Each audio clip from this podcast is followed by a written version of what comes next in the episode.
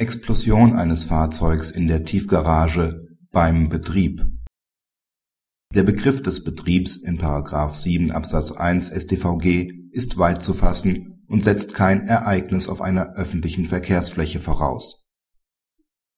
Das Fahrzeug des Klägers stand auf öffentlichem Verkehrsgrund neben der Einfahrt zur Tiefgarage eines Privatgrundstücks.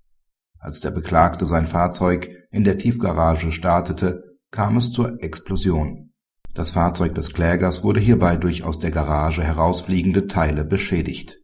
Das OLG hob das klageabweisende Urteil des LG auf und gab dem Kläger Recht.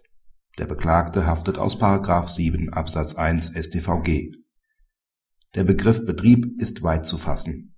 Dies beschränkt sich auch nicht auf öffentliche Verkehrsflächen, wenn wie hier die auf einer Privatfläche befindlichen Fahrzeuge auf andere Verkehrsteilnehmer einwirken Praxishinweis Richtig ist, dass der Begriff des Betriebs weit zu fassen ist. Es muss sich die Gefahr realisieren, die mit dem Fahrzeug als Verkehrsmittel verbunden ist. Da die Explosion sich beim Startversuch ereignet hat, ist insoweit auch ein Zusammenhang mit dem Kfz als Verkehrsmittel gegeben. Problematischer ist aber der Ort der Explosion. Es handelte sich nicht um einen frei zugänglichen Privatparkplatz, wie etwa bei einem Geschäft sondern um eine private Tiefgarage. Da aber die Auswirkung der Explosion für das Fahrzeug des Klägers sich außerhalb des nur privat zugänglichen Bereichs ereignet hat, trägt dies die Haftung aus § 7 Absatz 1 StVG